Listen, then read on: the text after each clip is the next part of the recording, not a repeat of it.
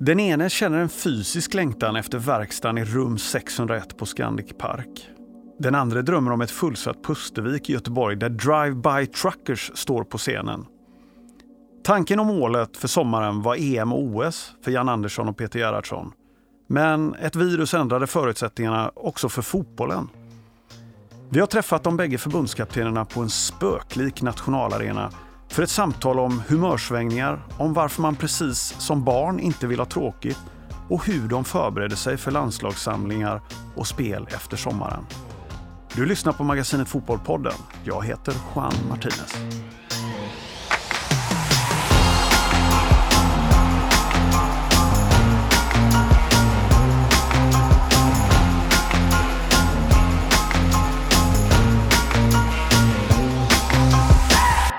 Yes, då sitter vi inne på ett eh, närmast spöklikt tomt Friends Arena.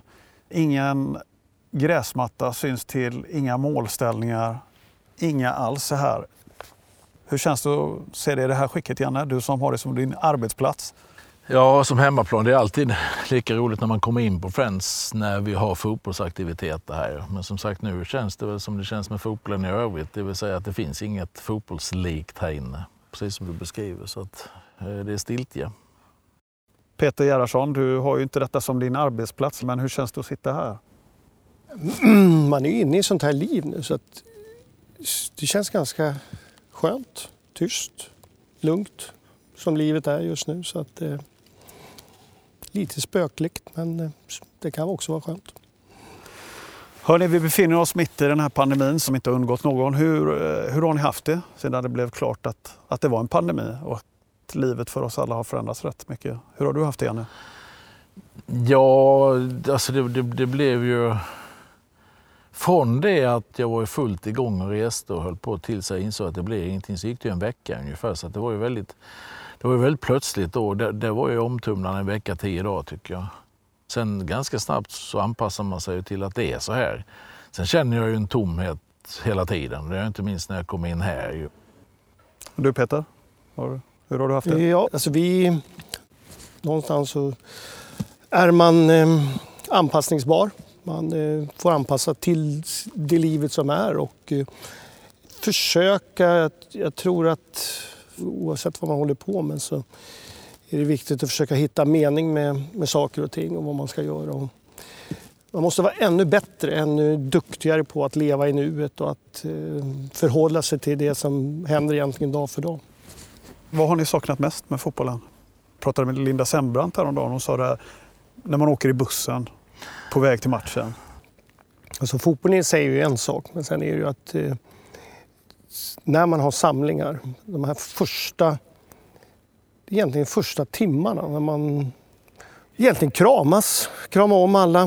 Det är väldigt okramigt nu i, i de här tiderna, men eh, att träffas alla då och krama om varandra och i det läget innan man har börjat tagit ut trupp, innan man har eh, liksom börjat med matcher så, så är alla är glada.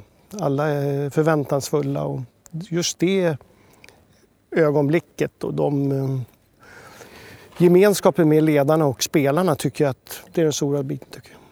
Alltså samlingarna som man har, sex om året vi har med, om man inkluderar januariturnén, att inte den samlingen i mars kom, den var ganska tuff. För den hade man sett fram emot liksom flera månader, träffa ledargänget och tillsammans liksom ta tag i uppgifterna nu. Dels marssamling och sen så då gå vidare i förberedelse inför EM. Och det, det kan ju vara att sitta i rum 601 på Scandic Park eh, där vi, där vi sitter och jobbar, där vi har fotbollsverkstad när vi har samlingar. Det, det, det kan få en sån fysisk längtan efter faktiskt, att sitta där med de närmsta kamraterna och, och förbereda saker och ting. Det, det, eh, det, det är en riktig saknad. Janne, jag läste någon intervju med dig där du eh, vittnar om tomhet och till och med lite humörsvängningar, eller verkar det som. Eh... Nej, jag har väl humör... Nej, jag har inte... Jag har, tror det eller men jag har inte mycket till humörsvängningar om det inte är fotbollsmatcher på gång. Men nej, men däremot så är det klart att man när man, när man är ler så... Mm, jag har inte jobbigare än någon annan vill jag börja med att säga. Men jag har alltid varit på väg någonstans har det känts som. Och nu är man ju inte det. För nu, nu, nu finns det liksom inte någonting att vara på väg till på samma sätt. Och det kan väl komma över en ibland att vad, vad fruktansvärt tråkigt det är alltså, mot hur det skulle varit. Och då blir man ju inte sådär jättelycklig. Samtidigt då som sagt så öppnar det möjligheter till lite annat så att det finns, finns några små fördelar. Men som humöret går upp och ner när vi nu har suttit och jobbat Peter Wettergren, Kristoffer Bernspång, jag har lagt många timmar ihop och, och, och, kring analys och tittat igenom vår presentation. Så, där, så, så har det varit ett jätteroligt arbete för då har man liksom nosat på fotbollen och tittat. Vi har analyserat hela vårt EM-kval sedan förra året och tagit fram ett antal jättebra klipp som vi ska använda nu för spelarna. Och så, där. så det har varit jätteroligt. Men när man då liksom går ut ur det rummet så kommer man på att det är lika tråkigt fortfarande för det finns ingen riktig fotboll att förhålla sig till. Känner du igen det Peter? Någonting? Ja, det gör jag. Men som jag sa förut, här, så framförallt den här första månaden eh, tyckte jag var väldigt jobbig. Sen, man är, jag tror att man är som ett barn ibland. att Barn vill inte ha tråkigt. Och det kommer jag på mig själv. Jag vill inte heller ha tråkigt. Och då ser du till att du hittar saker som är meningsfulla i, i ditt liv. Men under perioden, den första månaden, så, så, var det mycket, det var mycket tråkigt. Man gick och... Just den här ovetskapen om vad som ska hända.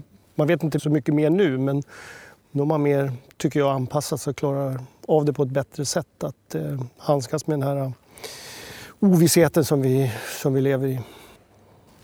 Hörrni, har ni smygtränat någonting under den här tiden? Janne, du har Lidingövallen ganska nära. Eh, ja, nej, jag, jag har faktiskt försökt träna lite själv däremot. Ja. Jag, det har jag gjort, fått lite tid till eh, promenad och sådär. Så, så det, det, har väl varit nyttigt ur det perspektivet. Men nej, inte varit, inte varit igång som fotbollstränare. Det har jag inte varit. Däremot har jag väl gått och tittat lite på träningar och sådär. Men det gör jag alltid höll jag på att säga, när jag är ute och går med hunden. Tycker Tyckte jag såg dig på Instagram hos ett pojklag häromdagen i söderort ja, det i var Stockholm. Jag. Ja, men det stämmer det. Men då var jag ute på en, en sån här kampanj faktiskt där jag var i, vi, vi städade området runt runt eh, deras anläggning ute i Trångsund. Så det var inte Skogås Trångsund. Och, så det, deras P06 och jag var ute och städade. Så det var ingen, ingen fotbollsträning. Men däremot fick man ta på sig träningsoveraller och vara nära en fotbollsplan och titta på lite träning. Men nej, inte så att jag har hållit i någon träning eller någonting. Det, det har jag inte gjort.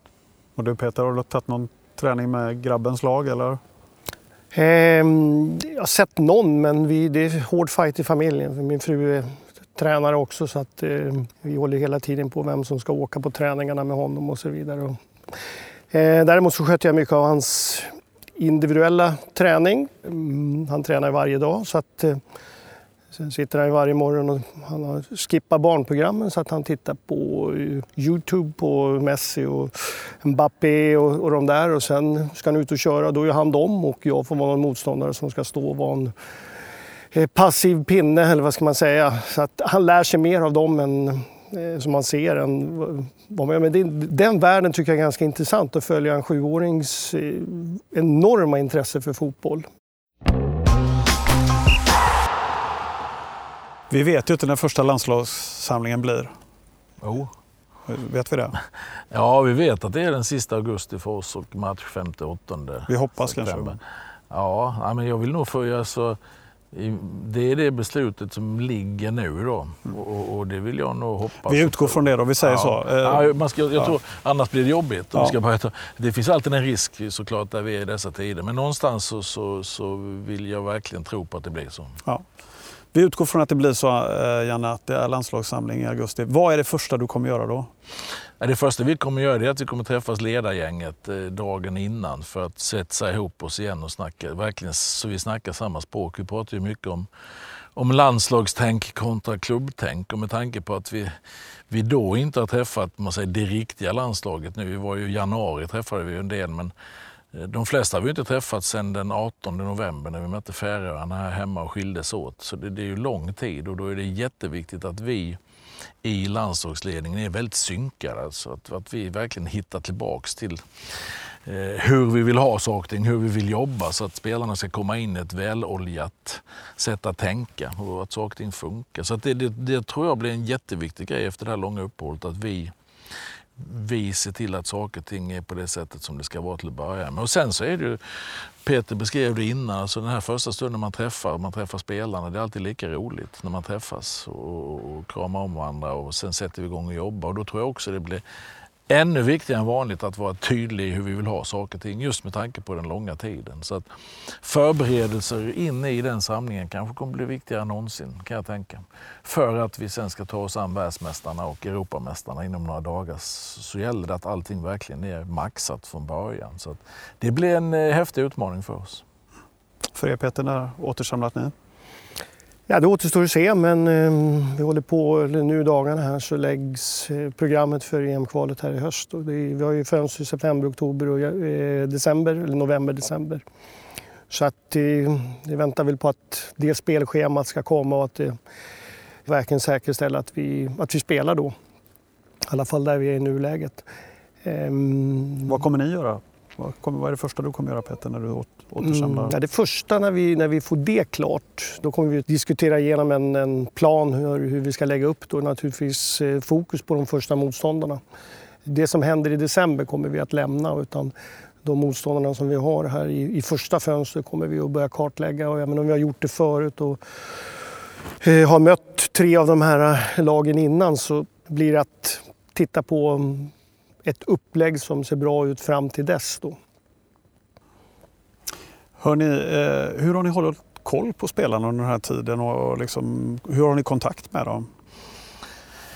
Jag. Alltså, jag, jag eh, eh, först gick ju luften ur en höll jag på att säga lite grann och sen så har jag eh, Eh, egentligen ringt någon, några spelare nästan varje dag. Eh, men inte tagit så mycket mer än ett eller två samtal. För att det man pratar om det är ju att det inte är någon fotboll. Och det, samtalen blir egentligen ganska lika liksom, kring sjukdom och hur de har det på hemmaplan. Och så där. Och det är inte så där upplyftande samtal i sig. Sen är det alltid roligt att prata med killar man inte träffat dem på ett tag. Men och sen har jag också inte känt någon stress att, att liksom behöva avverka alla på kort tid. Så därför har jag, jag fortfarande någon kvar att ringa faktiskt och, så, så, och snacka lite med. Så att det, det är väl den kontakten jag har haft med spelarna kan man säga. Och, och vi har haft några till i landslagsledningen som har haft kontakt med några stycken utifrån olika perspektiv och sådär. Men sen är de ju i sin vanliga vardagsmiljö och då är det ju som vanligt klubbarna som är deras arbetsgivare och de bor där de bor och har, har, har sina eh, sociala kontaktnät där och så vidare. Så att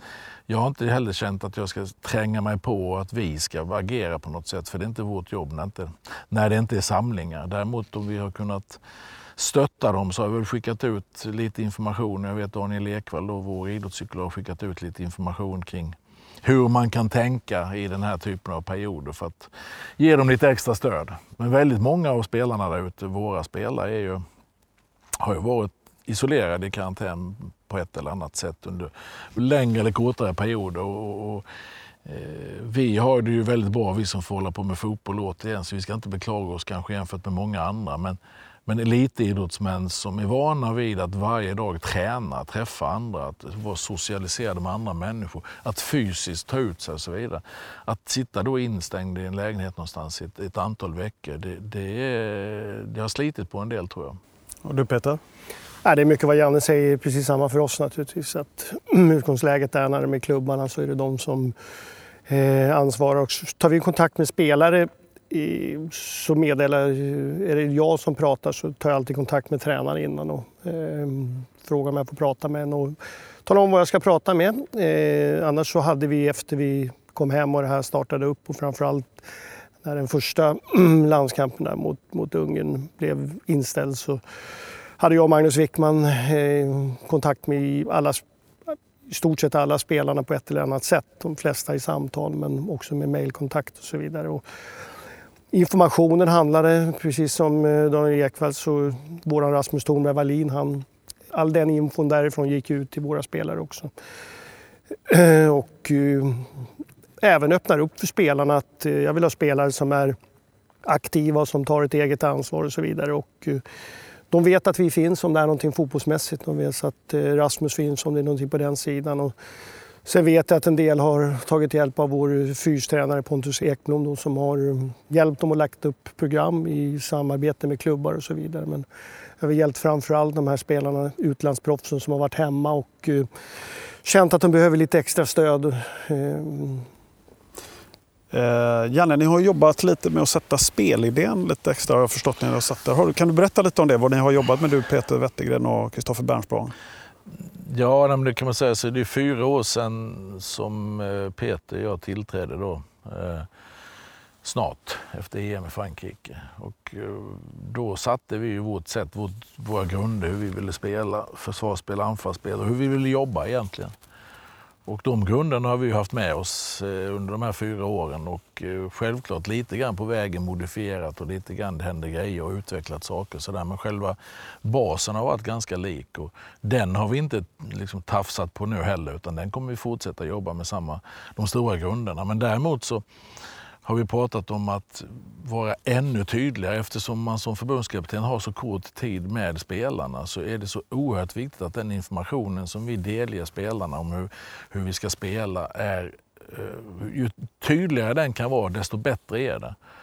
Och vi har väl då själva pratat flera gånger under de här åren att vi, ska, vi skulle göra ett rejält omtag att, att i vår presentation för spelarna. Då, att hitta ännu bättre exempel, att kunna uttrycka oss ännu tydligare. Och det har vi jobbat med nu en, en, en ganska lång period och också ändrat hela presentationen för att fräscha upp den layoutmässigt. Det är en del så att säga. Men den andra är att att prata till exempel anfallsspel i fotboll så, så, är det, det beror så mycket på samhandling, det beror så mycket på relationer, det beror på så mycket på rörelser som utlöser varandra. Sådär.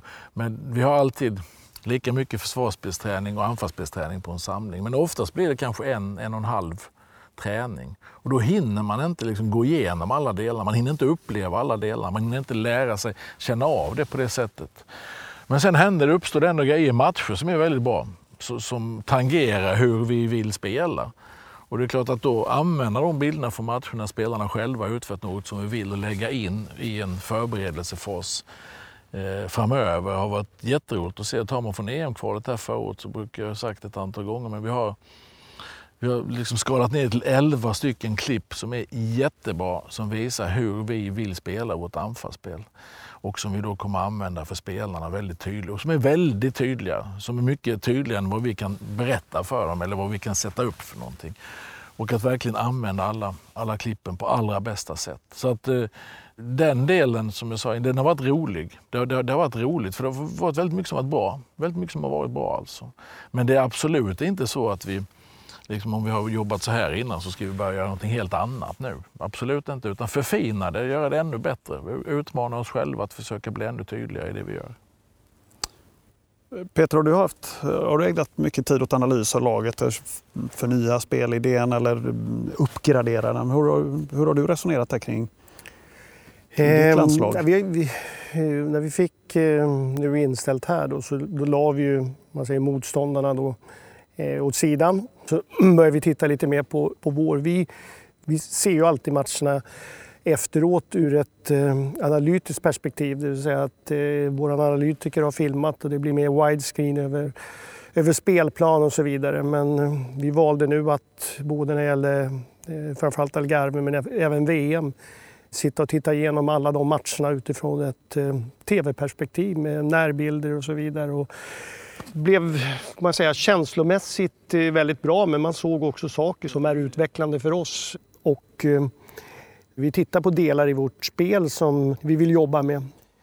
Vi har försökt under de här åren då, från eh, hösten 2017 så har vi pratat mycket om man kan säga, principer eller attityder som vi har i vårt försvarsspel och anfallsspel och de har vi inte ändrat så mycket på. Däremot så har vi ibland ändrat på formation och utgått en hel del ibland ifrån de spelarna som vi har tillgängliga. Och det gör att när man sitter och tittar igenom så även om vi har ibland haft samma idéer inför vissa matcher så är det spelarnas egenskaper som har gjort att det sett ut på ett annat sätt. Och hur kan vi utnyttja spelarnas egenskaper ännu mer?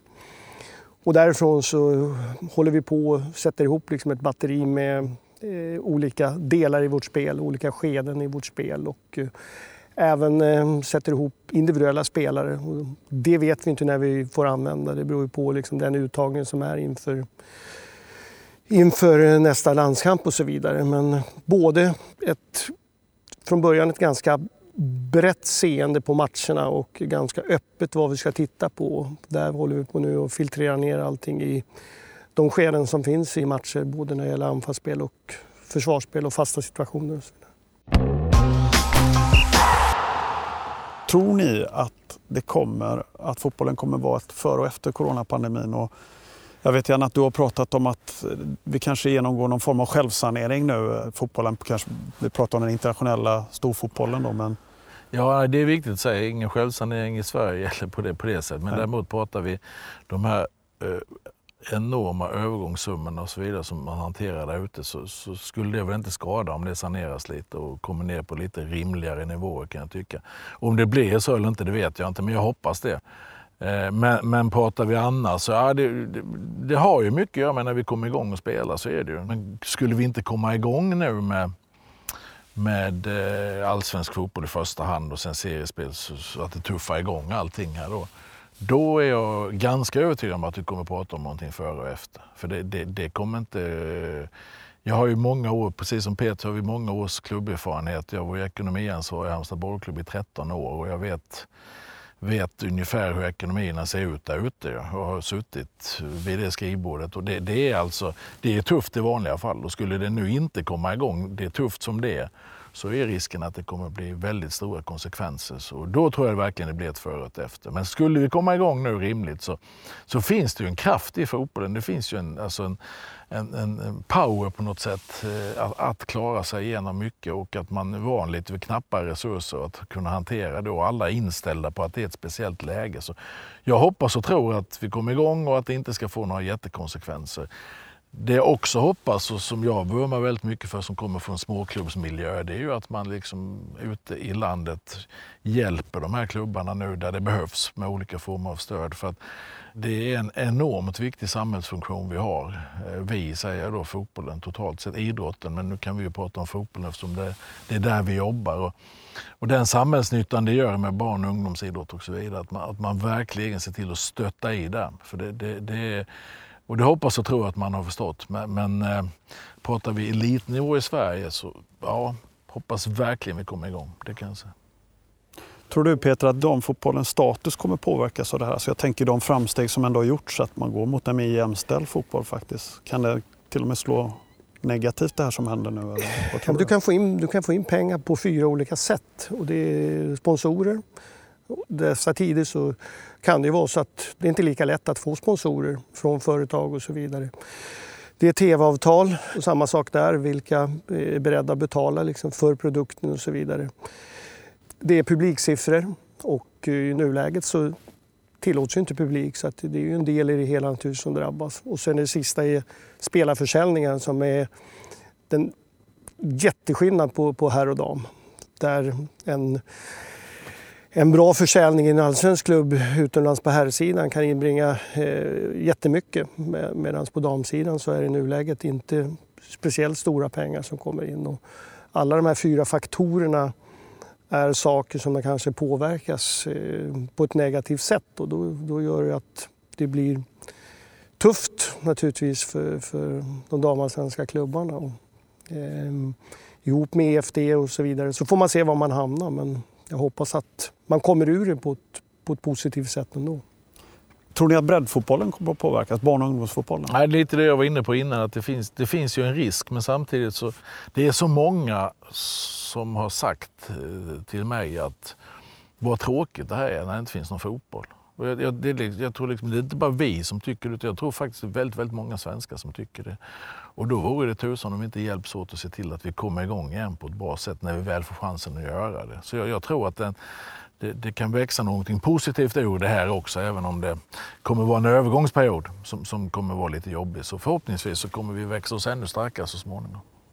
Mycket tyder ju på, om man lyssnar på experterna, att det här kanske inte är den sista pandemin vi upplever. Hur, hur tror ni att fotbollen kommer möta sådana här kriser i framtiden? Har man lärt sig någonting? Eller? Jag är helt övertygad om att både samhället och alltså det, det, är klart att vem kunde förutse detta och vem kunde vara beredd på detta och ha beredskap.